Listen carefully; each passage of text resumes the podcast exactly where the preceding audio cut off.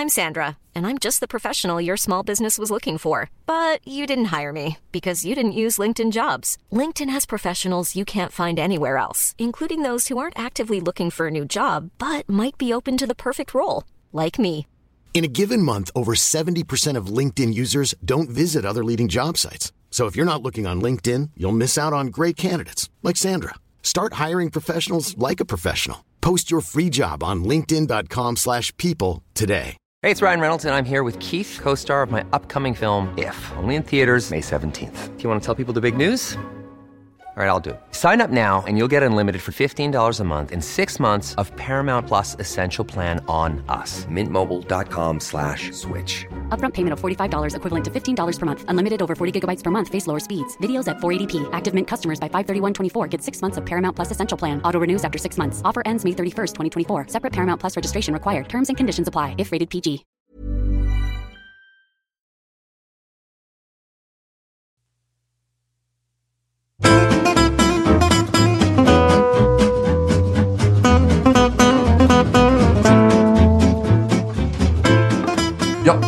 Kör vi då. Då säger vi hej och hjärtligt välkomna till den här veckans episod av Handbollspodden Avkast.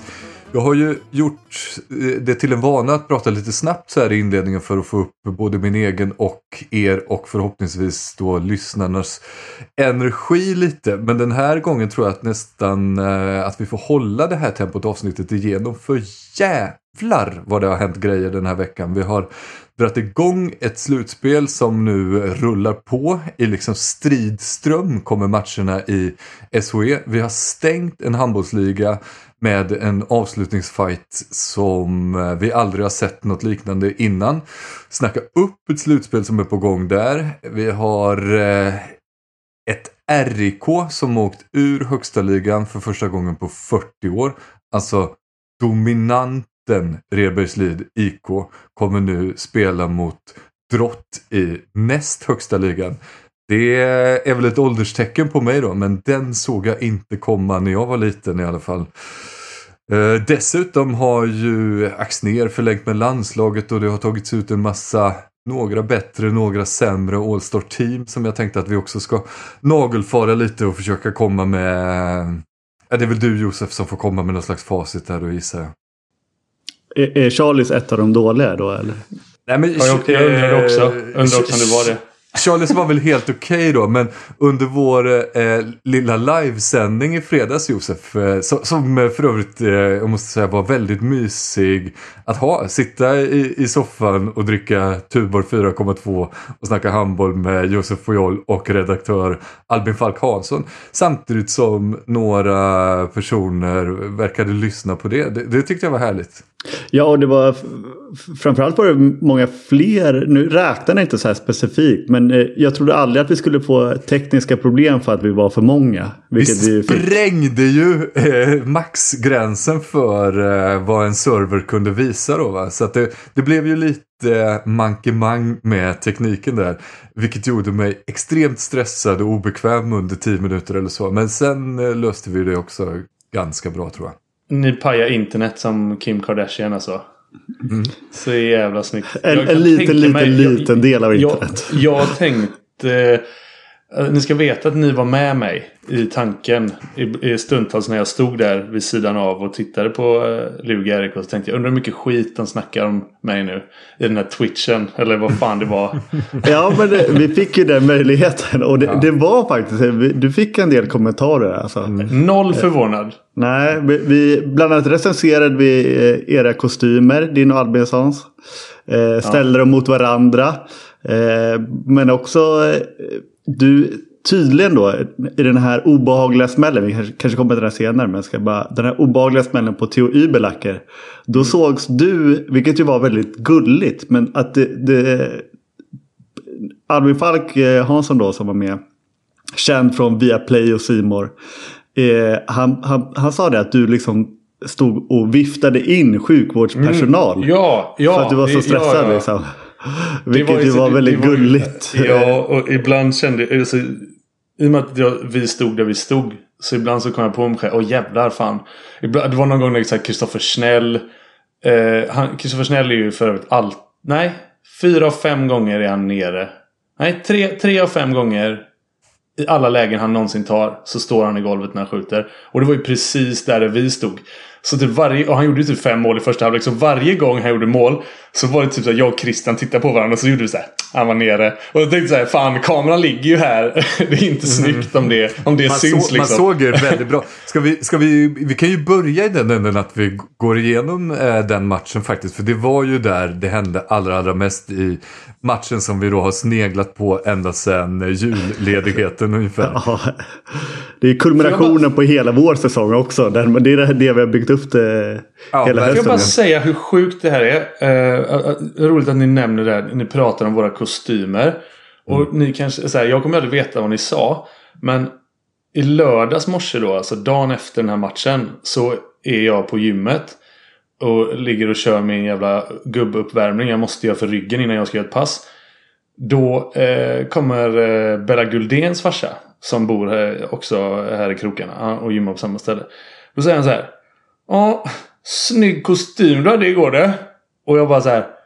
Ja, vet inte om du är allvarlig nu eller? Och han bara. så han och så gick han bara. Aj. Det var så jävla sjukt. Och, och jag bara så här. Var den inte snygg eller? Och så hör jag bara, ja, vi satt, vi satt och snackade om era kostymer. Men det, där är också så här tydligt. Min, ja, min take på era kostymer var ju att det är ungefär samma känsla som när man läser poesi ibland. Att man kan, eh, ibland, som att, men eh, ja, eh, jag, jag, jag, jag tar det här. Vad är känslan då igen? Vad är känslan då? Då är känslan så här. Det här är ju skit såklart. Men de som vet bättre fattar ju såklart mycket bättre än mig. Och alltså ska inte jag ha något omdöme här. Det är väl eh, säkert någon eh, smart jävel som vet hur det här ska vara. Lite samma vibb med era kostymer. Du vet ju mycket, mycket bättre hur en kostym ska se ut. Alltså borde jag men, bara men. knipa käft. Men vadå hur en kostym? Vad, är, vad, så, vad var det som såg konstigt ut med min kostym? Jag fattar att det var ju inget... Den, den var väl inte Du, konstig? snygg kostym igår. Den var, jätte, Du- den var jättefin. Sån jävla precis, eh, subtil, eh, sån Nej. jävla sån Nej. mindfuck alltså. Det var ju en Ja, helt vanlig kostym. Jag blir helt, jag blir, det här är riktig mindfuck för mig nu. Hade jag Precis, men liksom det här är gett så mig här ty- på någon jävla, någon jävla påfågelgrej här liksom. Med någon rosa kreation och någon stor jävla kedja som hängde någonstans. Eller något, så här, en vanlig grå kostym. Jag, jag är helt, nu är jag fucked up här alltså. Ja, men det här är ju... Med dig så tänker man ju att det är en dubbelironi då. Att den, den är så enkel så att den måste vara svår på något sätt. Nej, men, och det här är också så tydligt tecken. Exakt hur man tar emot de här. När du är då på gymmet. Har du en bra dag självförtroendesmässigt. Då suger du bara åt dig av, av den typen av kommentar. Snygg kostym igår. Och så har man en, eh, liksom, känner man sig snygg och så, så ja tack som fan. Är man lite risig. Då tänker man vad fan menar han? Alltså, så det är ju en, eh, ditt eh, sätt att ta emot den här eventuella eh, förolämpningen slash komplimangen. Det är ju en reflektion av ditt egen, din egen självbild. Men Nu börjar, slu- nu börjar slutspelet också. Liksom, nu kommer jag ju vara på tv säkert så här 15 gånger Mm. till i vår. Jag kommer ju vara så... Tänka varje gång. Jag, är jag ful nu? Sitter de och skrattar åt min kostym nu? Du var jätte, jättesnygg Charlie, så var det. Eh, Käften men vi- på dig. ja, ja, förlåt. Men vi var ju då i, heter det Sporthallen i Lund? idrottshallen va? Idrottshallen, förlåt. Det- Det är ett så, en sån tå ska man inte trampa på. Men vi var ju då i den gamla hallen för att den nya stora, lite väl luftiga hallen var uthyrd till någon slags hårdrockskonsert om jag förstod saken rätt. Men det tror jag bara var bra för den där idrottshallen är ju tight och fylld till bredden med folk och den här gången då ovanligt nog i Lund en riktigt, riktigt hög adrenalinstämning på hela publiken. Så pass hög så att det gick rakt igenom rutan. Och sen var ju hallen då väldigt charmig med de här eh, tvärställda brädorna bakom mål och så är dig och Christian då inskuffade i tjockmattförrådet och så här. Så att hela vibben runt omkring matchen var exakt allt jag önskar mig av en avgörande handbollsmatch i en bottenstrid för vilket lag som ska åka ur handbollsligan. Jag vet inte om du såg det Sjölin, men det finns ju alltså inte en enda stol i den här. Det är ju bara träbänkar med siffror i eh, trät på. Där det liksom, din plats är 632. Det står liksom, ja. Det är Inkilat. Ja, Jag- nej, jag nej, men håller det, med, med upp typ armen brännpenna. i- Nej. i- Jag håller upp armen i bild nu och visar gåshuden som ställer sig Ja. rätt upp. Fy fan vad fint det är med träbänkar med siffror. Precis, jag gjorde två, eller två reflektioner. Eh, personliga reflektioner. Och det är att om du tar de här 1800 eller vad de var. Och sätter in dem i eh, Sparbanken Skåne Arena, alltså den stora. Och eh, ja, du kan lägga till 1000 pers. Så det är 2-8. Då är det ändå inte, alltså det, det händer ingenting där inne. Alltså det, det, det, det blir inte ens hälften så bra stämning. Som det blev av de här 1700-1800 i den här hallen. Så att det är definitivt ett, eh, ett, ett, omedvetet genidrag. Nummer två. Jag har själv spelat i, jag har ju spelat i båda arenorna. Jag har mött Lugi och H43 i båda hallarna.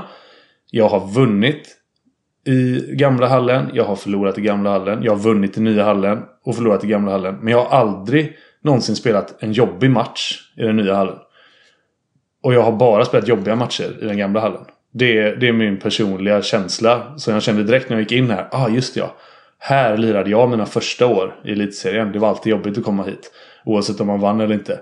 Och det har jag aldrig Sen 2008 eller när Fanon flyttade över till den stora. Aldrig tyckt det varit jobbigt att komma ner och möta Lugi eller H43. Oavsett om man åkte på däng eller inte liksom. Små, tajta, fina arenor. Gud vad vi gillar dem. Och det var ju uppenbart då väldigt svårt för Redbergslid att eh, göra någonting av den här matchen. Lugis satt ju stämningen redan från början. Vi var ju lite oroliga för Fredrik Olsson och hans tumme. I och för sig då vänstertummen eller båtben eller vad det nu var. han var ju gipsad innan match och sådär. Men det såg ju ut att inte besvära honom allt för mycket. Vi pratade ju om att någonting som skulle kunna bli tungan på vågen är Rebergslids målvaktspar.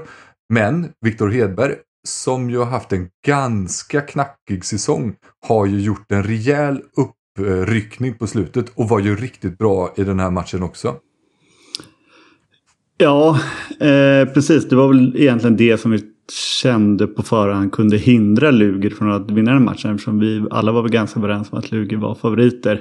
Men eh, det, det två saker rent spelmässigt som man såg liksom från sekund ett. Och det var ju att eh, Lugis försvarsspel var ju sådär påkopplade som de ju inte, har varit eh, stora delar av säsongen. Vi har nämnt det förr, de har några så här punktinsatser där de verkligen har gjort bra insatser och då kunnat konkurrera med lag eh, högre upp i tabellen än dem. Men också det att eh, Eh, ska vi inte referera för mycket tillbaka till den här livesändningen vi hade. Men, men eh, den första räddningen som Hedberg har är ju en väldigt stabil, eh, bra räddning. Och sen det andra skottet limmar han. Eh, och då kände man ju där att eh, han typ eh, redan efter någon minut då hade mer, fler räddningar i snitt än vad, vad han har haft de senaste resten av säsongen kändes det som. Eh, och att då, då eh, var ju känslan att det var uppförsbacke eh, deluxe för RIK. Och eh, den uppförsbacken blev väl inte mindre av att eh, Mario fick ett, eh, eller tog, får man ju säga, ett ganska så hjärndött rött kort. Eh, även om de, de var väl i ledningen där i, i slutet på första halvlek, minut 20 ungefär. Eh, sådär. Men, men det var, jag tycker Lugi var generellt det, det, det bättre laget. Eh, och eh, RIK, får man väl säga, välförtjänt eh, åkte ut. Eh, har ju varit jävligt bleka i flera, flera år. Och det är ju jävligt svårt att liksom dansa runt den där sista platsen utan att till slut eh, knipa den. Leker man med elden tillräckligt länge så kommer man bränna sig. Det är väl lite den känslan att RK har gjort det. Ska vi ta ett lite eh, större grepp på det också, som vi har varit inne på då. Det är 40 år sedan Redbergslids IK åker ur. Det är inte som att Varberg åker ur eller att OV åker ur eller Hallby heller för den delen eller något sånt jojo-lag som åker ner och upp lite grann. För det första då så är ju Redbergslid en, kanske den största klubben vi har i svensk handboll. och nu kommer de spela andra liga handboll. Bara det gör ju det intressant på ett sätt. Men sen är ju Rebergslid, i alla fall om vi backar bandet lite grann, den föreningen som är sämst lämpad för att göra en återstuds. Det har vi ju pratat om att de har ju en förening som egentligen inte alls är sydd efter den kostymen. Deras kostym är ju sydd för att ha ett representationslag som är riktigt bra. Jag hörde ju er Charlie, ni gjorde ju en eh, intervju efter matchen där de pratade om att eh, från föreningens håll och att eh, kostymen har börjat sys om lite grann och sådär. Eh, men jag vet inte fan hur, hur, hur pass färdig den omsyningen eh, är egentligen. Det kan vi prata lite grann om och sen tycker jag vi kan prata lite grann om vad det är som har gjort att de har hamnat här. Ja, nej men för, för de, de själva, eh, ja, som du säger då, har ju nämnt flera gånger att de har ju lagt om diskursen lite. Och... Eh, säger man så? Nej. Men vi, vi, vi, vi gjorde inte ens några roliga miner nu. Nej, men det var ett halvt höjt ögonbryn. Lagt om kursen. kursen ja. ja, men det är nog kursen jag mer. det var ändå gulligt. Vi, ingen av oss... Vi lät det bara bero den här gången. men det är bra Josef. Ja. Diskurs är något helt annat. De har ju lagt om kursen. Kursen. det låter inte ens som ett ord längre. Eh, de har lagt, lagt om sin, sin linje lite sedan eh, några år tillbaka är det väl. Eh, med, och framförallt då. Eh, alltså, den tidigare linjen var, var ju att skita i eh, ungdomsdelen i mångt och mycket. Och nu eh, försöker de eh, bygga upp en, en ungdomsförening. Vilket ju är eh, superrimligt. Men, men lite som du, som du är inne på. Jag, jag tror väl inte att de är eh, redo än. Med tanke på att alltså, det har ju inte varit så att det har eh, kommit upp några egna... I andra föreningar, Lugi eller Sävehof, då kommer det ju alltid upp någon egen produkt varje år och kan vara med och konkurrera. I RIK eh, händer ju inte det. Eh, och även då fortfarande. Så den, den där liksom... Eh, det är lite väl otajmat att ungdomsföreningen och de nyuppstickarna, även om de har ett eh, relativt talangfullt U18 tror jag att det är, är väl kanske inte redo att liksom bara vända på, på steken. Utan RIK, om nu ambitionen är att gå direkt tillbaka upp, behöver ju göra någonting liknande som det de har gjort de senaste åren. Eh, värva lite utlänningar eh, eller sådär. Och det tror jag inte är lika enkelt i, i andra ligan. Eh, för att vi kan jag... också... Eh, ja, man kan ju också se lite på, på de spelarna som de har presenterat hittills så är ju det för det mesta allsvenska spelare liksom. Och eh, säkert, jag har dålig koll, det är säkert eh, toppspelare i allsvenskan. Men eh, det, är, det är andra klubbar också som eh, med, med liksom lite mer vind i seglen som de kommer konkurrera med. Ja, men det, jag tror inte att eh, ambitionen är att de ska gå upp direkt eller ens inom liksom ett par år. Utan de, de är medvetna om att det här kommer ta tid och sättet att göra det på är den nya kostymen eller linjen eller vad man nu vill säga. Och de har varit medvetna om att det här kostymbytet måste ske i, eh, jag skulle säga, mer än fem år. Men, men eh, de, alltså sätta igång en sån grej när en, en klubb har fungerat på ett helt annat sätt så många år och sen dra igång en ungdomsverksamhet som förvisso har vuxit. Det är inte så att den den tar fem år och så är den stabil och så kan du eh, plocka upp A-lagsspelare från de egna leden helt plötsligt. Utan de hade nog hoppats på att liksom få klara sig kvar tillräckligt länge. Hålla näsan över vattenytan som de har gjort nu ett par säsonger. För att liksom kunna göra skiftet i handbollsligan allra helst. Mm. Eh, och gärna i eh, den här nya Ja, de ska ju bygga ut eller bygga till den här arenan där ute i Kviber där de nu är då liksom. Att det ska bli, de ska bli rotade där och Eh, så de, de hade ju hoppats kunna hänga kvar och göra det här skiftet liksom lite successivt. Och, och så helt plötsligt har de en ny grund att stå på. Och så ligger det nere. Men, men nu, nu får de göra det i Allsvenskan. Eh, och, och, eh, och det går liksom inte att värva så som du säger, de här utländska spelarna och sånt. Det finns inte, finns inte ekonomi för det. så de kommer, få, de, de kommer få fokusera på att inte krascha rakt igenom. Hänga kvar, eh, bida sin tid där. Och sen försöka gå upp då med en ny stomme eller en ny kostym eller en ny linje. Vad man nu vill kalla det. Det är ju det enda Ny diskurs sättet kanske? RIK, Ja, ny diskurs. Det är det enda sättet RIK kan klara sig ur där. De kan aldrig liksom, ta samma väg tillbaka som de har åkt ur. Eller de kan aldrig gå den vägen som, som de gick när de liksom, tog alla de här jävla gulden som de gjorde. För man ska komma ihåg att liksom, om vi backar bak till 80-talet när RIK började bli den här eh, giganten i svensk handboll. Då var det en stark ungdomsverksamhet som byggde grunden till det. Sen var det liksom de åren som jag lärde känna RIK. När jag gick och kollade på matcherna. Mitten av 90-tal. Alltså när, när, när de var bara guld på guld på guld på guld på guld. Hela vägen till 2003 där de tog det sista guldet. Då var det ju aldrig så. Då, då fanns det ju inga ungdomslag förrän de var juniorer. Liksom. Så det där var ett skifte och sen har det levt kvar. Och så kom de på nu lite för sent och med lite för dålig timing att fan vi måste tillbaka för det, för, till, till det. För vi, vi kan inte köpa oss eh, den kvaliteten längre. Det kommer inte hålla i längden. Så att eh, nej, det, det är ett stålbad de måste gå igenom för att inte halka ner till tvåan och vända som, som Drott har behövt göra. Ja, och, och lite det, det var ju också Kristoffer Myfalk klubbchef eller sportchef, klubbchef. Nej, klubbchef. Eh, inne på det här kring att hur ett representation, representationslag presterar eh, eh, påverkar också hur, liksom, för även under min tid när jag eh, mötte eh, RIK. Då var det ju ungdom, väldigt mycket ungt och ungdomsspelare. Men det var ju sådana som kom dit då, typ, till gymnasiet. Alltså man värvar mm. eh, Rickard Harnisch, eh, Martin Doffe Adolfsson eh, från Önnered, Linus Arnesson, Rickard Lönn från Arnäs. De, den typen av spelare har ju inte riktigt valt RIK de senaste åren. För det var ju det de klarade sig på då. Alltså då plockades Nej. det upp spelare underifrån. Mario Lipovac eh, och så vidare och så vidare. Liksom. Men de, eh, den typen av spelare går ju nu kanske till Önnered eller inte vet jag. Eh, vad, de, vad de nu går. Men det är i alla fall inte RIK.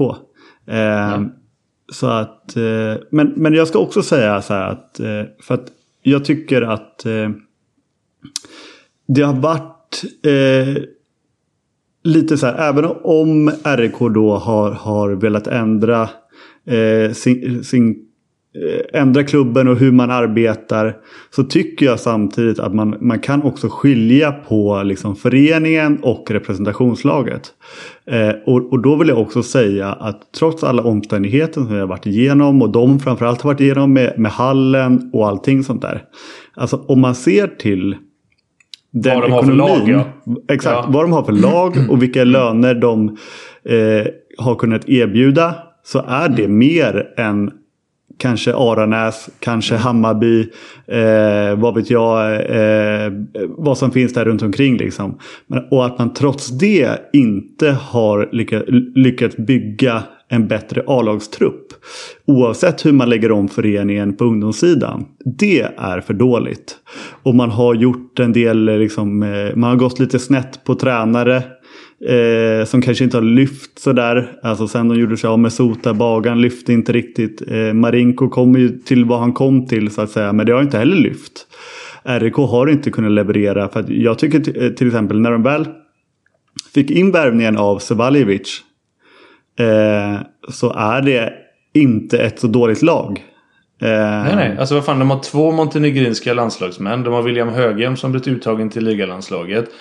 Eh, Jalakevic har, som spelar mästerskap i... Eh, exakt, exakt. Joelsson som... som eh, liksom, Tillräckligt bra har, för att bli värvad till Ystad. Mm. Har två bra målvakter. I, ja, och Joelsson har testats i ligalandslaget för två år sedan. Mm. Alltså, det är, alltså, det är en bra handbollsspelare.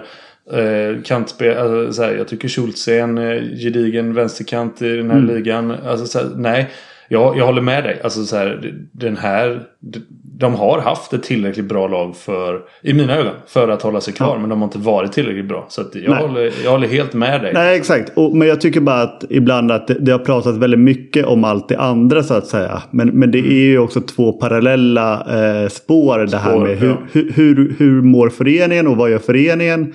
Och, och den... Eh, eh hur man resonerar där och det här de facto spela in poäng till representationslaget. Precis, Oavsett ska vilken vinna hall man mot Hallby hemma. Exakt. Eller vad fan det är. Oavsett vilken jävla hall man spelar i. Eller liksom. Men jag menar. Mm. Eh, även förra året med, hade de eh, eller Stenman med laget. Liksom. Eh, mm. och und so weiter, und so weiter. Ja, nej, men absolut. Så att det är sportsligt så har Rebeslid A-lag varit inte tillräckligt bra sett till eh, den truppen. Och eh, de, eh, det var ju en typ en tidsfråga innan de skulle åka ut. Mm. Mm. Även om man kan säga också att 16 poäng brukar vara ganska bra. Men, ja. Mm, absolut, men, men också kan man också säga i år att det är fler lag, alltså som förra året. Eh, nej, inte förra året. Nej, men det finns fler lag att ta poäng av också. Fler lag att ta poäng av. Alltså från plats... Ha Handbollsligan är inte bättre nu än för fem år sedan. Det kan nej. vi i alla fall konstatera. Nej. Vi, vi, kan väl också slå fast då om vi släpper RIK-spåret. Vi får säkert eh, anledning att återkomma till dem när vi ser hur de försöker bygga sin nya kostym och sådär. Det, det, ska bli väldigt intressant tycker jag. Att följa det arbetet. Men vi kan också konstatera att Lugi Även om de nu vann den här matchen och klarade sig från att åka ur direkt så är de ju inte för den sakens skull färdiga för att spela handbollsligan nästa år. De har ju ett ganska tufft kval framför sig emot eh, Skånela då ifrån Märsta och Önnered då som kom på elfte plats kommer ju... Skräll! Exakt. Eh, de lyckas på något sätt ja. Mm, men de kommer ju få möta Kungälv då, lite som eh, det stod skrivet i stjärnorna. Och OV Helsingborg som räddades av eh, Luger där precis på slutet har ju också 16 poäng men klarar sig på bättre målskillnad. Men där kan vi börja snacka för OV Helsingborg kommer idag måndag att få möta Karlskrona. Ett Karlskrona som är riktigt bra. Jag mässade lite med Oves tränare Tony Johansson om hur han såg på deras möjligheter och, och chanser och risker och sådär. Och, och, han skrev att ja, men Karlskrona de tog fler poäng i år än vad vi gjorde förra året. Och vi är ganska skadedrabbade och vi spelade i fredags, de har vilat en vecka och så vidare och så vidare. Vi har, vet ju att alla De är favoriter. ja, exakt. Alla handbollstränare i Sverige försöker lägga över favoritskap på äh, andra håll och kanter. Men jag vet inte fan om, eh, om det inte kan vara så att OV Karlskrona åtminstone på förhand är helt jämn oddsmässigt. Ja, och eh, OV Helsingborg brukar alltid åka ur. så på något jävla vänster. nej, nej ja. jag, alltså, jag, har inte, jag, har inte sett, eh, jag har inte sett en minut av HF Karlskrona i år. Men bara att titta på vad de har för spelare i truppen. Så skulle jag definitivt eh, säga att det här kommer bli jämnt.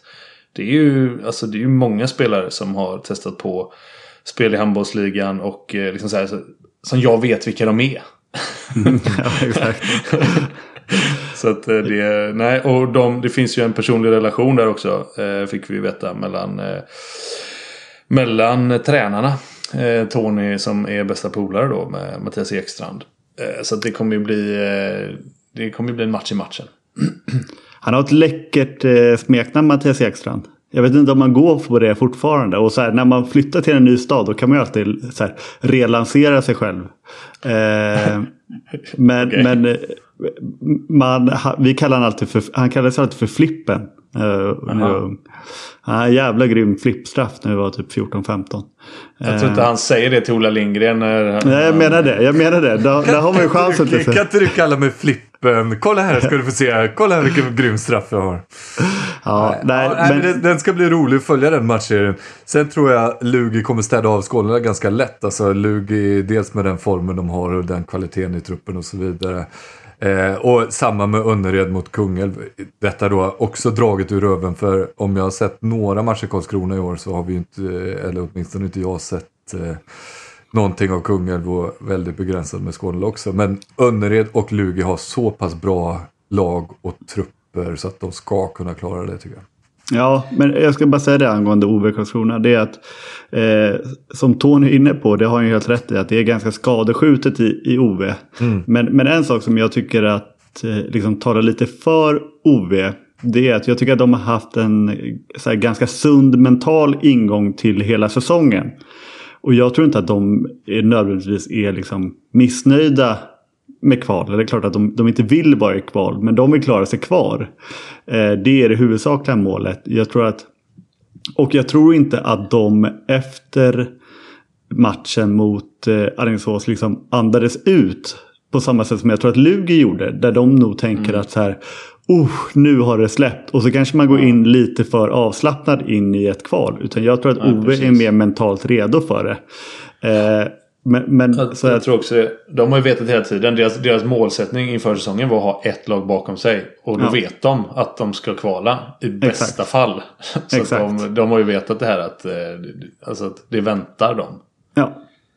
Men eh, det skulle inte förvåna mig om, eh, om Skånela kanske kniper nu. Första matchen är ju i Märsta och sen så är det dubbel, dubbelt i Lund tror jag. Eftersom eh, Lug, eller elitserielagen har ju hemmaplansfördel. Eh, men så det skulle inte förvåna mig om ändå om Skåne kanske kniper den första bara för att liksom Ja. ja. alltså jag trodde ju Önnered skulle städa av Skåne förra säsongen. Och det mm. höll ju på att skita sig fullständigt där. Det var ju... Eh, alltså de hade ju riktig flyt Önnered. Men när, när domsluten gick deras väg och sådär. Att de redde ut det. Så att eh, fan... Nej, Vikingahallen är ju också en sån där. Har aldrig spelat eh, lätta matcher i Vikingahallen. Oavsett om man har vunnit eller förlorat. Så det kan ju ställa till det för, för de flesta lagen. Och eh, ja, nej. Som sagt, jag litar inte på Önnered heller. Så jag, jag tror också att de ska, klart att de ska slå Kungälv. Det är inget snack om det. Men vad fan, det, det kan hända grejer. Mm, verkligen. Det kan det. Tittar vi uppåt så ser vi då Halby och Malmö i ingenmansland. Finns väl inte så mycket att säga om det va. Eh, trist utveckling på Halby säsong. Desto mer positivt i Malmö som ju också låg riktigt, riktigt pyrt till en bra bit in i säsongen. Ja, det hade varit intressant att se. Eh, nu, nu räknar man ju inte som i hockey så räknar man ju så här plus minus poäng. Eh, men eh, liksom eh, snittpoängen som Malmö har tagit sen Adam Krantz kom tillbaka. Mm. Eh, kontra innan det. Där tror jag att det är en ganska stor skillnad. Jag, eh. jag, tänkte först att du skulle säga plus minus statistiken på typ Magnus Persson. Magnus Persson. Men så tänkte jag att, att det är bara att kolla på deras målskillnad. För han har ju Exakt. spelat varenda sekund. Han är inne sekund. på alla mål. alla mål framåt, alla mål. alla mål bakåt bara. Ja. Ja, precis. Nej, men det, det, blev ju inte den där fiaskosäsongen då, ändå för Malmö. För att eh, det var ju 8-9 där någonstans som alla hade dem.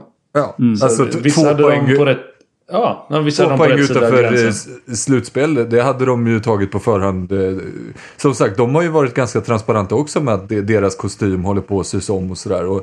ja, mm. ett, ett ingenmansland och bara en vinst till från slutspel. Det är nog inga konstigheter för Malmö. Nej, så de har ju också lite i det, i det fördolda och tysta räddat sin säsong. I alla fall eh, placeringsmässigt då. Mm. har, de, har de gjort det. Eh, nej, och sen blev det den historiska första slutspelsplatsen för Aranäs. Mm. Jag tror ändå det som grämer han, dem. som ah, han göt eh, ändå ja. Jerry Hallbäck eh, under intervjun där i tv med eh, Charlie. Ja, det, alltså, om han gjorde det så, är det, så unnar jag honom det. Sen tror jag att... Eh, fan, han var väldigt snabb med att säga att det skavde att de hade fått stryk precis mot Önnered. Och jag tror honom.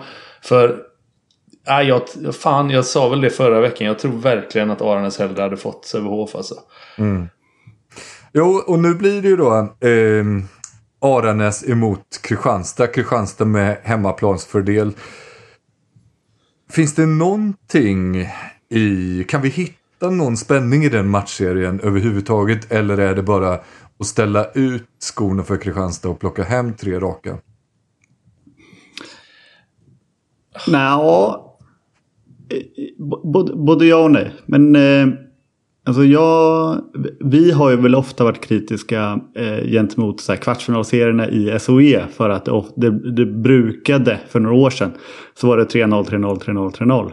Mm. Eh, jag lutar lite åt att det blir något liknande i herrarnas nu. Men jag tror mm. faktiskt att eh, jag skulle bli eh, Aranäs tror jag, eh, det skulle inte förvåna mig om de faktiskt kniper en, eh, en hemmamatch. På ren liksom grit. på, på ren Aranäs-ighet. Exakt. Exakt. Mm. För att det, det, är just det där som, som gör Aranäs eh, anno 22-23. Vi har, vi har ju också eh. pratat lite grann om både Kristianstad och Aranäs eh, på det sättet att vi har pratat om att Kristianstad är en maskin. De gör samma sak vecka ut och vecka in och det leder till att de nästan alltid vinner handbollsmatcher på den här nivån. Vi har pratat om att Aranäs är lite annorlunda i år än vad de har varit tidigare på det sättet att de eh, är lite innovativa. De kastar in lite grejer som de inte har provat förut och gör lite grejer som sticker ut i den här serien. Skulle det också kunna vara eh, någonting som faller, liksom, eh, fäller avgörandet i ett möte hitan och ditan kanske? Eh, nej, jag, jag, tror inte att det kommer vara något så här taktiskt drag som gör det. Utan jag tror att Kristianstad kommer vinna match 1 hemma komfortabelt. Till och med ganska stort. Eh, men jag tror att i match 2, om det ska bli eh, någon seger till Aranäs, så kan det vara i match 2 att de eh, liksom kommer få upp en jävla eh, gryta och intensitet i sitt försvarsspel. För att Kristianstad har ibland, eh, har ibland kämpigt i sitt eh, anfallsspel. Eh, och trots alla liksom, individuella kvaliteter som har de problem ibland med att hitta de organiserade, de organiserade lösningarna. Utan det är väldigt mycket så här, ja, kommer Marcus Olsson träffa krysset från 9 meter idag eller inte? Och jag tror att det eventuellt kommer bli en, en, en tight match två i, i Kungsbacka. Eh, annars så, eh, det skulle inte förvåna mig heller om Kristianstad vinner den. Men det, det är den eh, chansen till något annat än 3-0 som mm. Aranäs har i min bok. Guif knep sjundeplatsen efter en väldigt fin slutspurt. Vi pratade ju om det redan eh, efter Eh, Eh, turneringsuppehållet där att Zoran eh, Roganovic hade ju egentligen varit iväg på landslagsuppehåll eh, och varit liksom landslagscoach men ändå kom han tillbaks och fick Guif att bli det bästa laget efter uppehållet och det höll ju i sig och de spurtade och gjorde det riktigt jävla bra och knep sjundeplatsen då. Erik Persson i hög form. Fan vad bra han är. Eh, men kommer nu ställas mot eh, Sävehof då och du var inne på Josef vad du trodde att den matchserien skulle sluta i. Det finns stor risk för 3-0 där också.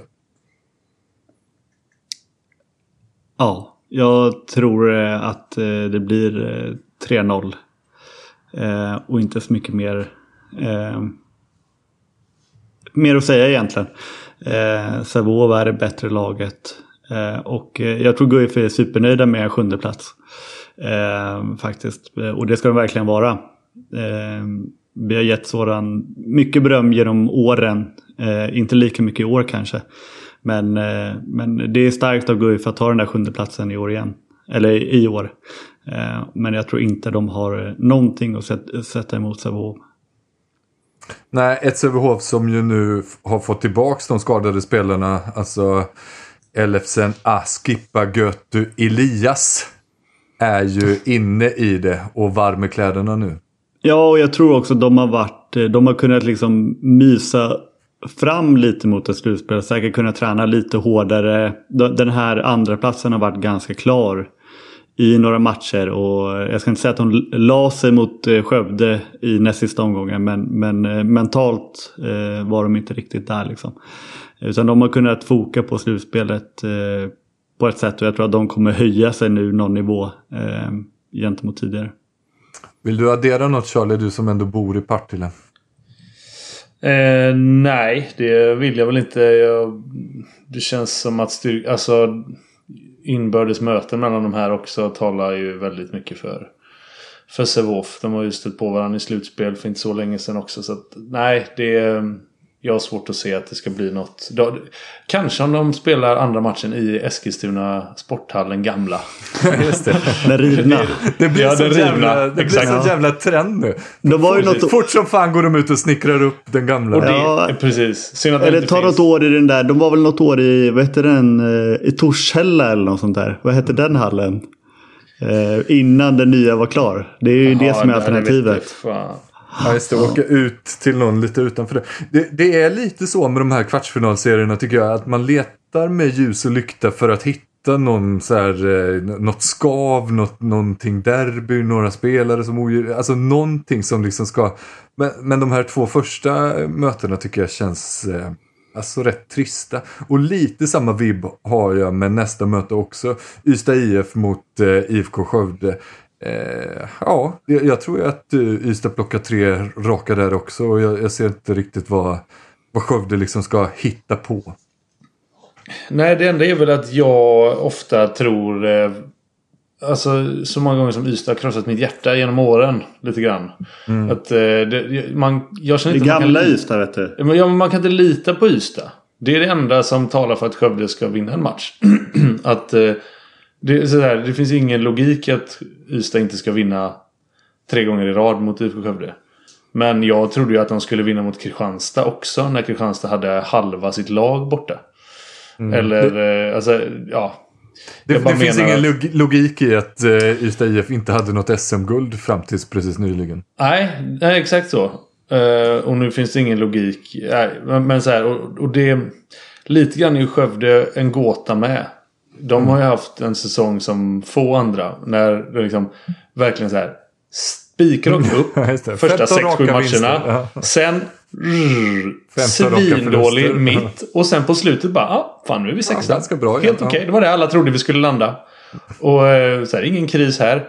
Så de går ju heller inte och, och sådär. Jag, jag kan inte räkna med dem. Jag kan heller inte räkna bort dem. Får de till det så har de liksom fortfarande väldigt många bra spelare tycker jag. Sen undrar jag lite, vad fan är status på Viktor Ljungqvist här med, med Ja. knä och grejer? Ja, exakt. Bra fråga. För att eh, i senaste mötet mot eh, Hammarby här. Då sa kommentator Daniel DK Kristiansson. Eh, inte Kristoffersson. Eh, som vi ju verkligen litar på. Vi vet att han gör grundjobbet här. Han har ju ringt till Signell. Eh, men, och han sa att Viktor Ljungqvist var korsbandsskadad. Ja, ja men då är han, då är han det. Och, Eh, exakt, eh, DK lit- litar vi på så, så mycket liksom. Eh, Och då får vi väl fan säga att eh, tankar till Viktor bra. Ljungqvist. Mm, Verkligen. Eh, för att det är väl, om jag inte missminner mig, så är det han väl relativt nyligen återkommen från en korsbandsskada. Ja, ja. Absolut, han kom tillbaka den här säsongen. ja. Eh, så att, eh, nej, det är riktigt. Lite för Kass. ung för att ha två korsbandsskador. Eh, Ja. Och om man får vara lite elak, inte helt jätteförvånad med den spelstilen. Nej, nej, exakt. Det är Alltså- som Überlackers hjärnskakningar. Ja, men alltså Det- vad det är så här, fan. vad- det är ju något sjukt att, ja, ja men det är, det är Robin Anderssonsk eh, liksom spelstil. Ja, Som det går inte. Det går inte gubbar. Nej. Nej, så det, det, det talar ju inte. Det, det ligger ju inte i vågskålen för Skövde så att säga. Men jag, jag tror. Eh, nej, så här. Jag litar inte på Ystad tillräckligt mycket för att jag ska säga att det blir 3-0. Så att jag, jag där och det är final på SN-repris och lite sådär. ja, nej. 3-1 säger jag bara för att jag tycker att eh, det kan det väl bli. ja, exakt. Det blir... Vä- Välmotiverat höll jag på att säga. Men så kom jag på att äh, det var... Ja, jo, men jag, jag fattar verkligen grejen. Ja, jag får väl bara tillägga då, om det, om det nu är någon som bryr sig så tror jag 3-0. Eh, precis som du är. Ja, ja. Tre, det kan, jag, säga, jag, tror, jag känner ju också egentligen. Tre, som du säger, det är en SOE-kvart eh, i år. Det är 3-0 i alla. Jag, alltså Hammarby kan vinna mot Alingsås 3-0 också. Det är bara att jag känner att det är alltså styrkeförhållandena mellan de lagen är snarare 60-40 än, eh, än 100-0. Alltså så här, det borde, Alingsås borde inte bli swept som man säger. Det är ett sinnessjukt misslyckande om de blir det. De borde för fan ha lite... De borde... Vad heter det? När man liksom... Ja, man, man, man får till någonting på hemmaplan helt enkelt. De borde få in lite folk, sätta lite tryck, visa att de...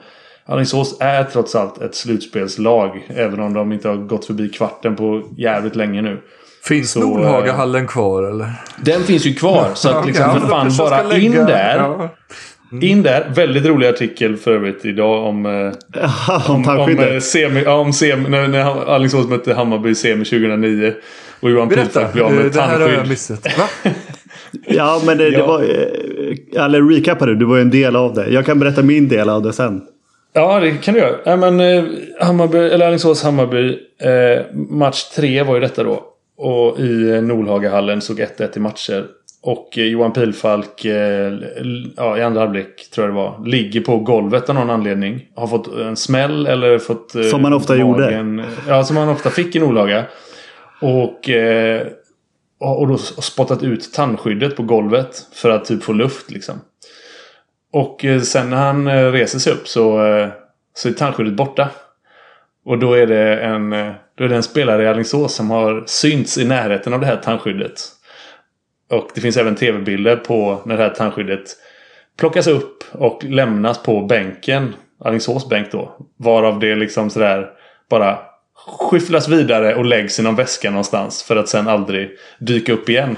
Och det här var ju, det här var ju en flink grej liksom. Det här, eh, det här skrevs det ju om. Och var en snackis i både, inför både match 4 och match 5. Och sen i- ska säga, inför match 5. Den femte avgörande i Nordlaga. När det var, det var lapp på luckan plus 300 om man säger så liksom. Det, du fick inte in en skrynklig 20 där mellan gubbarna som stod på ståplats. Då är ju Patrik Westberg numera kommentator, eh, eminent kommentator för handbollssändningarna. Han är ju speaker på den här matchen. Och precis innan den ska dra igång eh, så säger han eh, Jag har ett eh, meddelande till eh, allmänheten. Det har hittats ett tandskydd här i, eh, i hallen och det har lämnats återfås mot beskrivning drar han och så blir det ett jävla liv. Och han fick, han fick böta 10 000 för det. För den osportsliga, det osportsliga tilltaget. Faktiskt. Oj. Det var, va- vart gick de pengarna undrar man? Det finns... Nej, det, var, det, det var väl typ disciplinnämnden. Antar jag. Lagfest för disciplinnämnden. avslutningsfest för Ralf Lundberg ja. Exakt. ja men, och, och i den eh, match 5. En av alla de här eh, sillarna inklämda i Nordhaga-burken. Det var, det, var det var Pujol och Sparven med bh på huvudet. Det var Pujol och grabbarna som stod där på bortastå. Och eh, jag, jag är ju inte en sån där... Eh, jag har ju inte så mycket så här traditionellt supporterskap i mig det här med att stå och sjunga. Men liksom jag åkte med bussen och då hamnar man ju i bortaklacken liksom. Eh, men istället då för att sjunga eh, Vi hatar AHK eller vad, man nu, vad som nu sjöngs. Så liksom så här lutade jag mig över räcket. Eh, Nordhaga var ju otroligt tajt. Så man liksom, om man eh, sträckte ut armen så, så eh, snuddade Mm, så kunde kunde dra rufsade man mig i håret. Ja. Ja, Exakt. Men, så jag lutade mig över och jag, jag hade tränat någon gång med A-laget. Så jag var lite så här, inte polare men lite tjenis. De visste vem jag var och jag visste vilka de var. Så jag, jag lutade mig fram och liksom så här, gav spelförslag. Så här, gubbar vad fan. När, när, det var när, Staffan Olsson på den tiden också. Exakt, när, när det låg tungt. När det var tungt i andra halvlek där. Och man kände, och då var det så frustrerad. Helvete gubbar, varför kör ni inte bara den här rörelsen här på vänster två? Går- trodde han var Johan. Cruyff. Åh fy fan, det säger så jävla mycket om dig Josef. Exakt. B- Både bra Exakt. och dåligt liksom. Exakt. Ja. För det, och, det, och det är det också så här. Jag vet att jag inte borde. Men jag kan inte hålla mig från Jag att säga ser vad ju jag vad tycker. ni borde göra nu. Exakt. Det är så jävla ocharmigt alltså. Men, eh, Fanns inget att göra. Fanns inget att göra. nej. Överkörda. Men eh, jag, jag tror ju också i... Eh, det här är väl den på förhand mest öppna eh, kvartsfinalen. Men, men jag, tyck, jag tror också att det blir 3-0 här. Eh, och, och det grundar jag väl egentligen på att... Eh, att om man ska vara lite krass så är ju eh, Hammarby vårens eh, bästa lag. Eh, Alltså de har bara förlorat en match och det var mot Kristianstad i den där cupfinalen. Eh, Alingsås har, har slitit lite med formkurvan även om den eh, har, har pekat lite uppåt nu mot slutet. Men eh, jag tycker att eh, näst sista omgången i Alingsås eh, sa ganska mycket. Där Hammarby vilade en hel del, en drös med spelare. Eh, och bytte på klockan och, och ändå vinner eh, borta i, i Alingsås. Eh, så att eh, jag... Som sagt, det skulle verkligen inte förvåna mig om Alingsås vinner en match. Men jag tror att Hammarby ganska komfortabelt går vidare. Hur glad är Falle på dig nu då? Ja, nej, det är ju det är en annan femma. Men, men eh, I bow to no one. Ja, ja vi får väl se. Snyggt så. Eh, vi har ju sagt att SOE-kvartarna är någonting som nu då har blivit handbollsliga-kvartarna. Och då kan vi väl också passa på att glida över till SOE och konstatera att SOE-kvartarna inte är vad de har brukat vara förut då. Utan förutom Sävehof då som har 2-0 mot Kungälv och den, ja, Sävehof har ju varit helt överlägsna hela säsongen. Så är det ju ett nu i mötena Västerås-Skuru, Hörskara och Önnered-Skövde. Hur ser du nu på det Charlie? Har det svängt någonting i favoritskapet i någon av de här eh, serierna? Eller tycker du fortfarande att det ligger kvar så som eh, planerat så att säga? Eller så som spekulerat? Nej, jag tycker det ligger kvar. Eh, det går väl ganska mycket som jag trodde att det skulle göra. Mm. Eh, faktiskt. Jag ja, det var, ehm, det var ju en ganska stor scenförändring. Framförallt Önnered-Skövde. Där jag tyckte att Önnered var klart bättre i första matchen. Även om det till slut bara skilde fyra mål tror jag. Så var det aldrig... Skövde slet som djur och försökte med allt. Men de kunde liksom inte forcera Önnered. Och då kändes det, vad fan ska de hitta på till match två? Men eh, det var ju... Eh, ibland så är det ju inte alltid vad man själv hittar på. Utan det kan ju också vara eh, likt vi tror om Ystad IF. Att ibland så är Önnered inte så bra heller. Nej, för det, för det var intressant för att den match, match nummer ett då i, i ÖK-hallen. Den blev ju jämn till slut och det var ju i mångt och mycket tack vare att Anne Linder eh, mm, i andra halvlek alltså var, var helt on fire. Och räddade allting i princip. Och det var ju hon som gav Skövde chansen. För att eh, som du säger på, på planen 6 mot 6 så var Önnered betydligt bättre. Men eh, liksom, har man en målvakt som räddar det mesta och lite till då, då får man chansen till slut i alla fall. Men, men så idag då. På, på något jäkla vänster, vilket jag tycker det var, det var en så märklig match att sitta och se på. Eh, för att det kändes som att inget av lagen nästan ville vinna. Eller eh, så ska jag inte säga. Men, jag tycker att det var dels att det var två svaga coachinsatser. Eh, men Anne Linder då idag stod 60 minuter. Hade alltså noll räddningar i första halvlek. Och mm. tre i andra. Varav den tredje var i... Den första var i matchminut 40 och den tredje var matchminut 59-30 på klockan ungefär. Eh, och däremellan det så trillade... Ja, exakt. Och däremellan trillade allting in. Fatta en... kortslutningen i huvudet på Klasse Hellgren om han eh, hade sett den här matchen. Att de, de vinner, vinner med tre målvaktsräddningar och leder i halvtid med noll målvaktsräddningar. Ja, här... exakt. Nej, men, och, och, då tänker man så här, bara, ja, men vad sysslade Önner, Önnered med, med då? Det var ju bara att skjuta på mål. Ja, men mm. de kom aldrig riktigt så långt. För att de, de eh, hade ju, gjorde alltså 22 mål tror jag. Eh, något åt det hållet i alla fall. Och hade, ja, men de hade också 18 tekniska fel. Eh, ja men också så här, Moa Bokvist då, högernia, en på sju. De, de, de sex hon missar kan ju hon inte ha skjutit på mål ens då. Nej. för, för Fanny Elofsson hade noll av tre. Det här, det här är ju två av de liksom bästa spelarna i Önnered. Som jag tänker, hur ska de... Alltså, Skövde har inte den här... De här spelarna finns inte i Skövde, därför Önnered kommer vinna. Och de har en på tio ihop. Så de nio missarna, av de nio så kan max tre ha räddats. Ja, de övriga sex bara är någon annanstans. Det är ju, ja. det är ju också mindblowing. Ja, nej men exakt. Och, och jag tycker att eh, Önnered... Eh, alltså de gjorde det lite för komplicerat på så sätt att de, eh, de liksom försökte lite för mycket. Tänker man, så här, jag är ju egentligen är all for it. Att man ska, man ska spela sig till sina lägen och det ska vara rörelser och växlar hit och bla bla bla. Men det var ju så här. Det, det bästa de hade kunnat göra det var ju att skjuta innanför stolparna. För att... Eh, det är basic. Ja men exakt. Ja, men, och då, för att då så som det såg ut idag. Och, eh, och det är liksom inget ont om Anne Linder men, men hon borde ha blivit utbytt. Men, men eh, det mesta trillade in liksom. Hon hade en, en jobbig dag på kontoret och det får man ju ha, inget snack om det. Men att Önnered då ändå inte lyckas vinna. Och då ska man säga så här, Jenny Sandgren som inte heller gjorde sin eh, absolut bästa match, vi har hyllat henne väldigt mycket. Hon hade alltså tre limningar i första Aha. halvlek. Lika många då. Ja, och en till i Ja. andra halvlek. Så jag tror hon landade på fyra sen. Ja, och det är alltså fler då än vad motstånd- motståndarna hade räddningar överlag. Och, Det här är den största eh, gåtan. Hur, är, hur... Alltså siffrorna går inte ihop. Exakt. Hur kan Skövde vinna den här matchen? Nej, det var, det var väldigt eh, svårt att se. Men det, det var ju eh, väldigt, tack, väldigt mycket tack vare eh, Elma, heter hon va? Örtemark.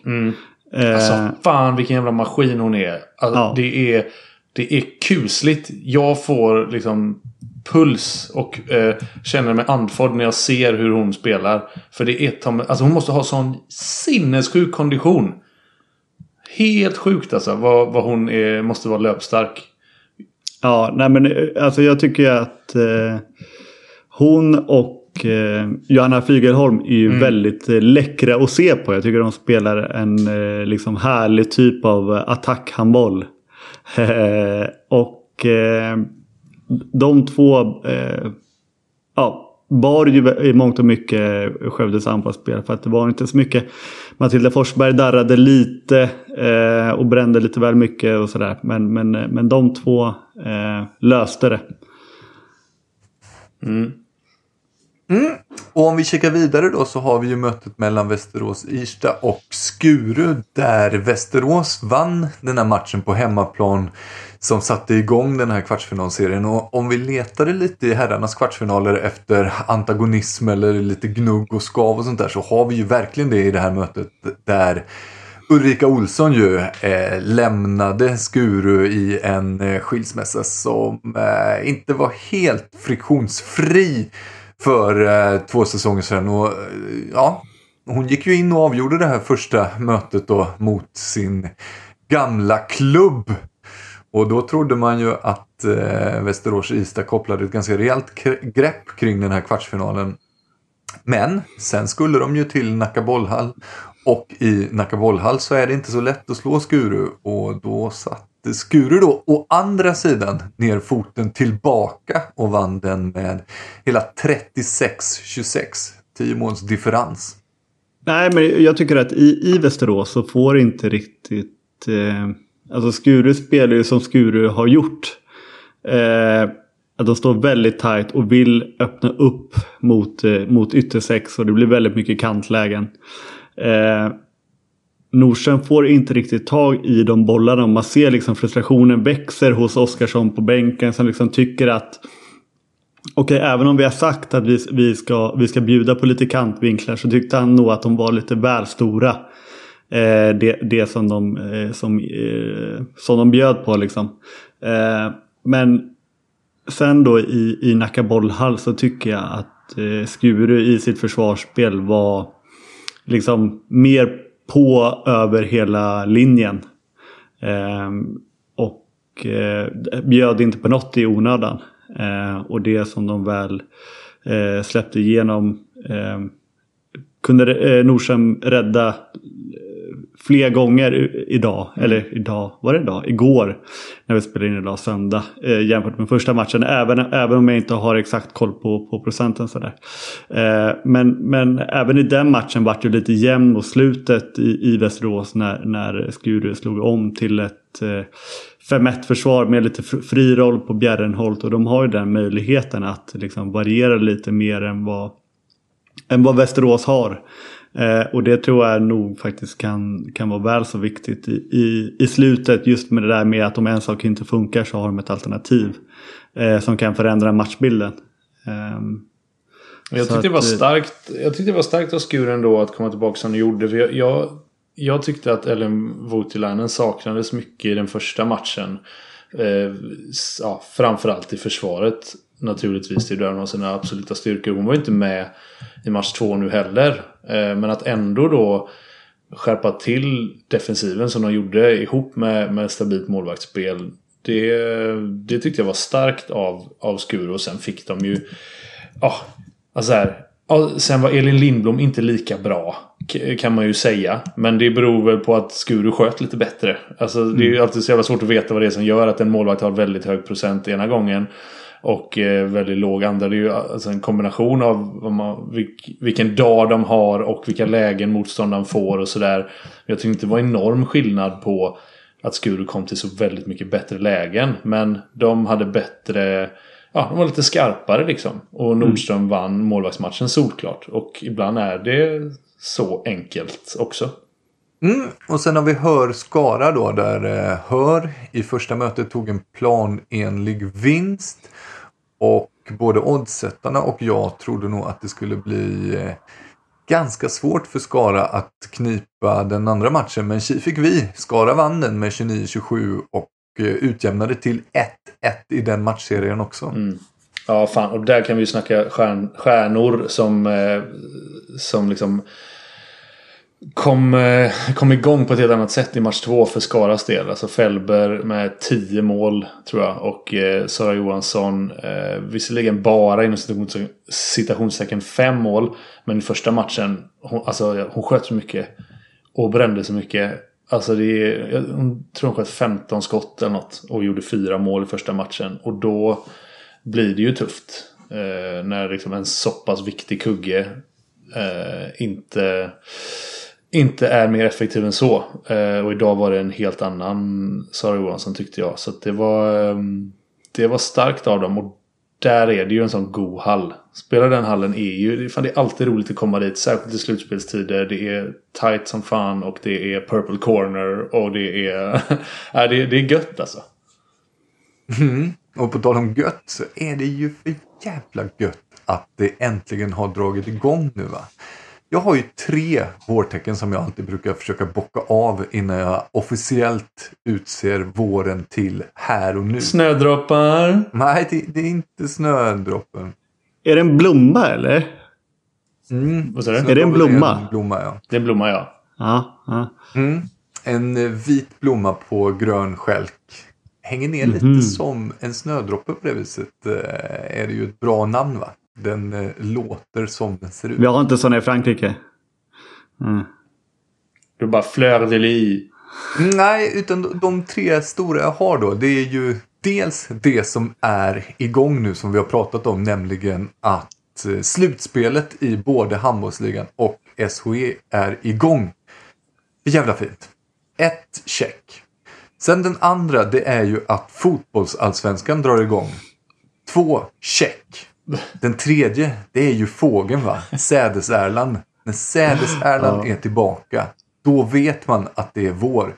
Så än så länge då, två bockar av tre möjliga. Men alltså, när... Eh, är det när du ser den då på äppelträdet i din trädgård? Eller när är det? Mm, ja, det skulle kunna vara, men, men de sitter inte så mycket i äppelträd utan snarare kanske det är så att um, när man sitter på altanen här ute så vippar den omkring lite i gruset utanför.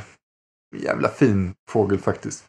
Men än så länge då två av tre vårtecken och vi börjar närma oss någonting som är riktigt fint. Men trots detta så har jag suttit och eldat upp mig lite under helgen här. Jag har nämligen suttit och funderat över, eller snarare irriterat mig på handbollsklyschorna. Jag tror Charlie var inne på det. Nyss. Är det har dagen? Var det jag som sa det? ha, ha, dagen är, är det det? absolut med på listan. Eh, men den är inte, inte etta. är den inte. Utan eh, Den första som jag reagerar på som jag inte gillar det är ju den här eh, någonstans. Den har vi ju varit inne på. Den har ju legat kvar eh, sedan länge. Det är ju eh, när man ska försöka hitta en förklaring så eh, säger man så här, ja men någonstans är det ju på det här viset eller eh, någonstans är det ju det här som är orsaken. Eller någonstans så. kan du köpa att man gör det ibland. Ja, det jag främst vänder mig emot där det, det, är ju kanske att man, att man inte har fler synonymer. Att, att man inte pratar om så här kanske ja, men en delorsak eller ur ett perspektiv så skulle man kunna se det här så här. Och, eh, mm.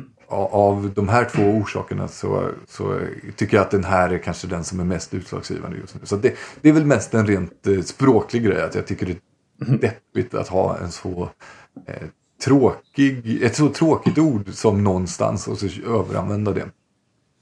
Men, och det andra är precis som du är inne på, det är ju ha dagen då. Va? Eh, framförallt så tycker jag det är av slapphet. Eh, är du spelare, tränare eh, eller ännu värre då expert.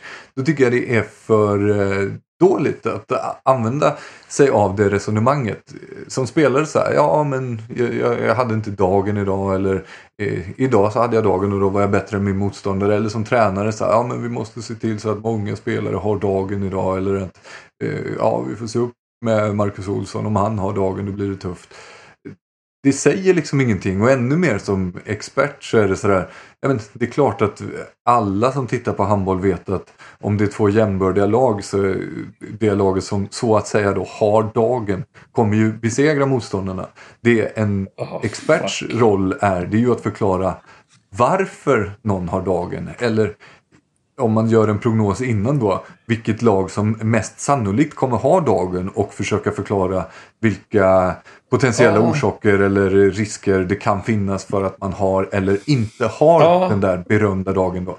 Det är för dåligt att bara stanna ett resonemang vid om man har Men det kan, ju, det kan ju jag inte veta. Det vet ju tränaren. Och spelaren vet ju om den har sovit dåligt eller om den inte åt spagetti och köttfärssås som den brukar göra.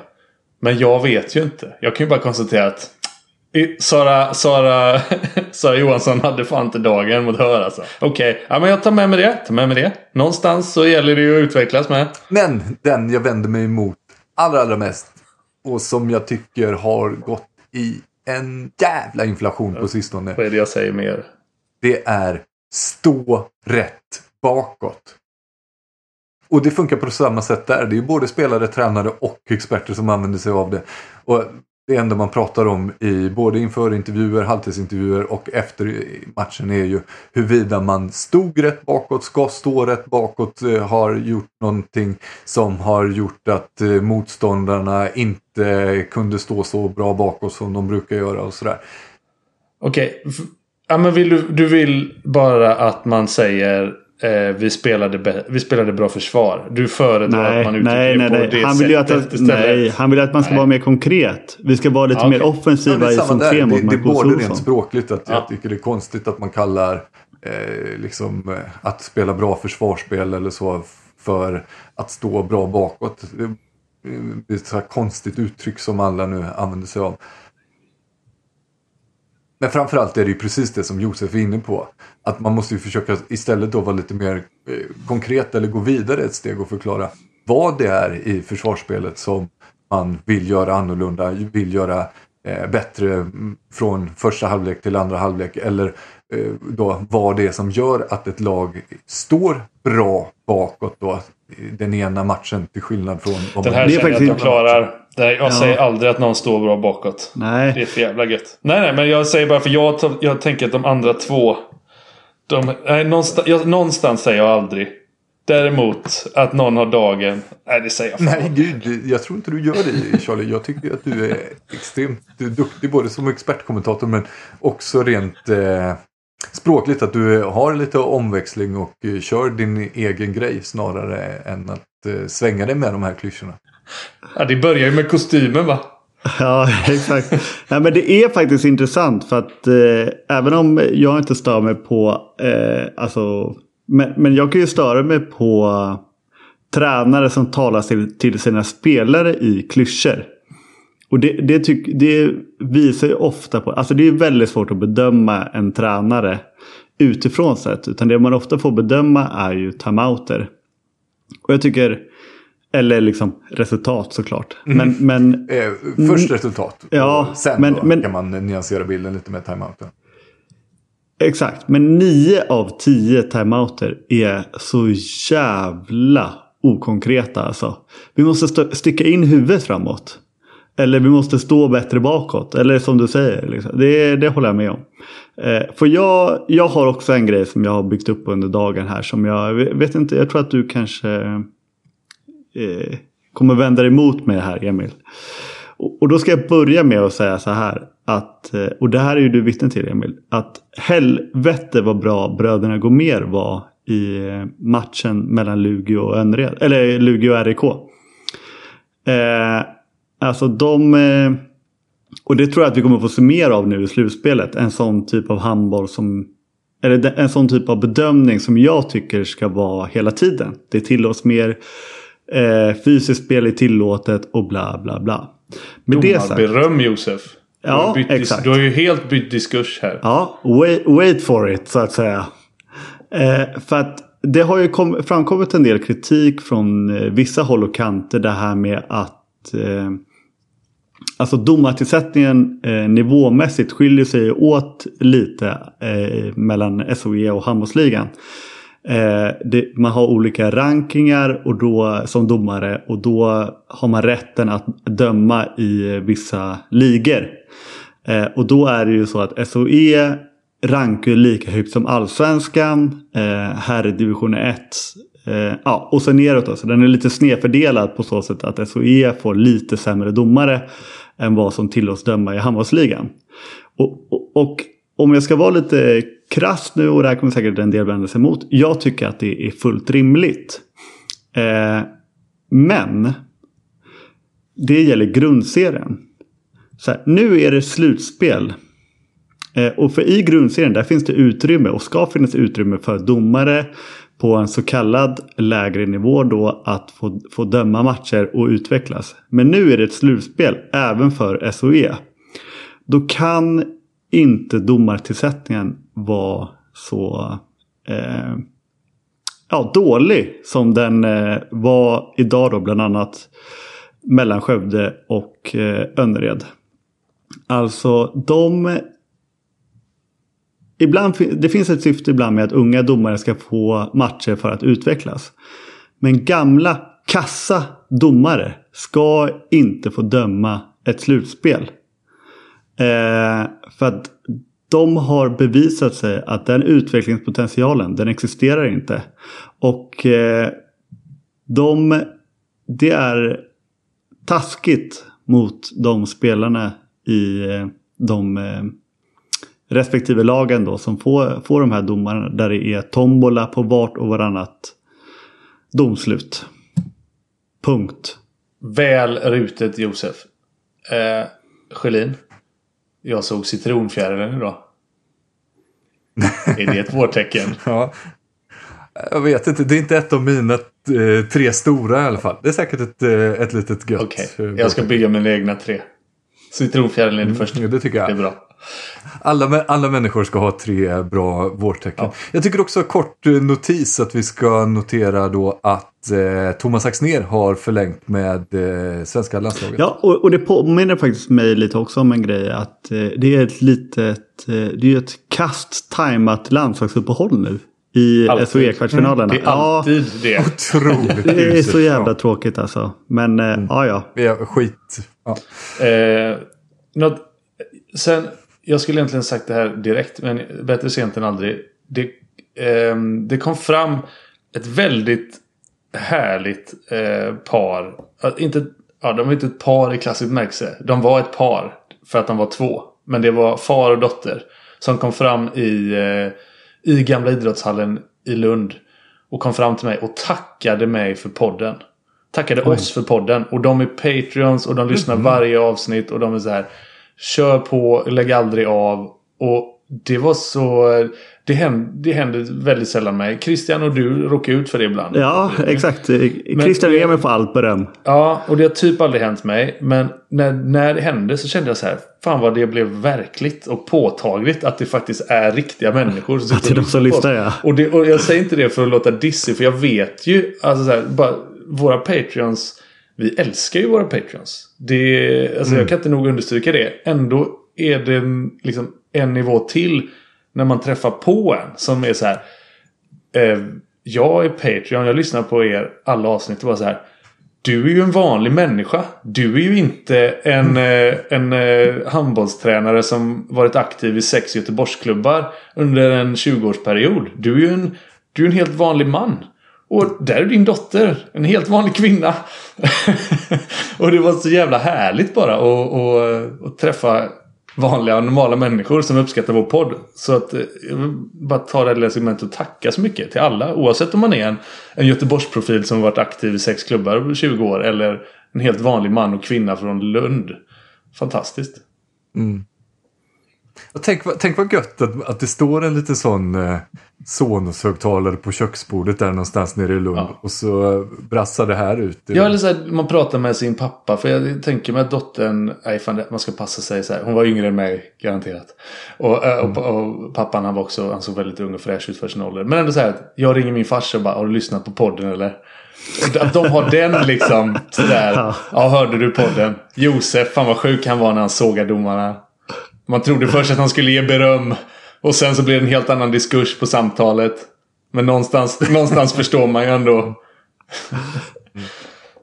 Undra om, eh, på tal om att eh, tappa det lite eller släppa det sådär. Det, det, Janne har ju tappat det helt på Nej, vad fan, sådär. Alltså, det är helt sjukt. Jag sa ju det när det här hände. Att okej, för jag såg ju det här live och då sa jag det till er. Fan, kolla på Viaplay. Plus att nu vet jag exakt vad alla poddar jag lyssnar på kommer handla om hela veckan. Då kan inte vi också handla om det. Nej, nej, nej, Nej. vi ska inte, absolut inte prata om det. Gud nej. Jag, jag bara fick en sån vibb av att jag ville prata om vem vi tror kommer ha det tappet i handbolls-Sverige eh, nästa gång. Du, har ju varit inne på det Charlie, att det, det kan smälla om Hör får möta Önnered och sådär. Och, eh, vi, har ju, eh, vi har ju varit inne på att Önnereds herrlag har, varit svajiga. Det kan väl Jag smälla har också sett ganska nyligen Glenn Solberg tappade i en timeout mot eh, ja, diverse och Mikael Apelgren fr- framförallt och sådär. Ja, det finns några potentiella kandidater men, vi kan spara den diskussionen Ja. lite grann. För jag kommer på nu dels att avsnittet håller på att bli ganska långt och att vi ska lägga in vårt avkasts allra, allra egna lilla All-Star team Ja. för handbollsligan nu. När det, har, eh, det har ju kom- kommit ett par, tre, fyra stycken sådana. Diverse sett nu, så att experter. Va? Diverse. jag menar det. Och då får väl du då Purjo ta, eftersom Charlie har gjort det i tv, säkert tillsammans med Christian och eh, Jenny, så får väl du ta, ta ansvaret för att göra vårt då. Och så kan eh, jag komplettera med att kasta in eh, lite vedträd här och var när jag tycker det. Och Charlie, du får väl säga emot då om du tycker att Josef har fel. Ja, nej, Josef, Josef har ju... Han har ju haft rätt flest gånger i den här podden. Ja. Inte över tid tror jag Nej. inte. Det Nej, tror jag men att du en är gång i ganska... veckan. Nej, exakt. Men, men Charles självförtroende är ju, upp, är ju tydligt lågt. Och Ja, jag det är är ju fruktansvärt dåligt. Det är oerhört lågt. Men Se- Sebastian Karlsson, håller du med om honom då? Ja, Sebastian Karlsson eh, ger det rätt för. Även Simon Möller i mål ger det rätt för också. Tack. Det, känns, det känns som två helt Ja. solklara. De går inte Du hade, på vänstersex hade du Frände Öfors va? Mm. Mm, det är det också rätt för. Eh, Även, ja, även om vi ska skjuta in där att eh, Robert Ladan har varit väldigt, väldigt bra. ja, verkligen. Jag, jag, tycker, jag tycker att Frendo Öfors fortfarande ska ha All-Star Team-tishan. Men, men vi ska bara Honorable mention. säga att Ja, Ladan... verkligen. Ja, Ja, verkligen. men absolut. Och eh, alltså, det är ju svårt att eh, argumentera mot Charlies eller andra experters för den sakens skull. Eller eh, olika All-Star team. För att det, det är ju alltid så här två, tre som aspirerar på platserna. Eh, den, den, den största invändningen jag har mot eh, Charles då, eftersom nu är han här och får klä skott för det här. Det är ju, det är ju på höger nio eh, där, där han tog ut Erik Persson. Vilket ju är så här, fair enough. Hade jag varit eh, sportchef i Frischhoff Göppingen så hade jag eh, värvat honom också. Liksom. Men, men eh, jag tycker att eh, både Albin Broman och Edvin Aspenbäck nog eh, kanske också så här, sett i förväntningar lite. Man blir väl lite charmad när det kommer två underifrån. Så tycker jag väl att de två mer har förtjänat det. Eh, och sen på vänster nio hade ju du eh, Fredrik Olsson. Eh, där jag väl eh, argumenterar för en annan Olsson, nämligen Marcus. Eh, som eh, ja, är bästa spelaren i, i bästa laget. Eh, sådär kan jag tycka. Annars är det ju som sagt, det finns ju alltid, det finns ju två, tre stycken kandidater på alla positioner förutom typ målvakt och högersex där det känns väldigt givet. Jag tycker också att vi ska slänga in en annan mittnia. För där tycker jag att ni gjorde en liten fuling som tog Gustav Davidsson på mittnio. Mm. Trots att han ju knappt har spelat där. Han är ju eh, vänsternia i det här Bayern. Så det, jag fattar vad ni... Vi gjorde ju så en gång när vi kastade in Dolken på vänster sex. Trots att han hade spelat mittnia hela säsongen. Eller om det var tvärtom. Men, men den, den tycker jag är lite ja, den där får man eh, också, tycker jag, byta till någon som faktiskt har varit. Jag håller inte med. Men framförallt så är det också så här. Jag tycker att i år, det kan vi ju prata lite om. Det har varit ett ovanligt svagt mitt nio år.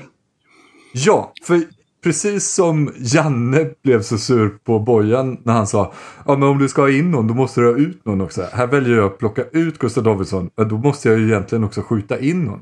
Jag har fan inget supertydligt alternativ. Nej. Det är honorable mentions igen då. Men det är, ja, jag vet inte, Kasper Kjell kanske liksom. Men det är också så här, ja, spelar i näst sämsta laget. Eh, har varit jättebra, det är klart. Men, men snöret är ju långt så att säga.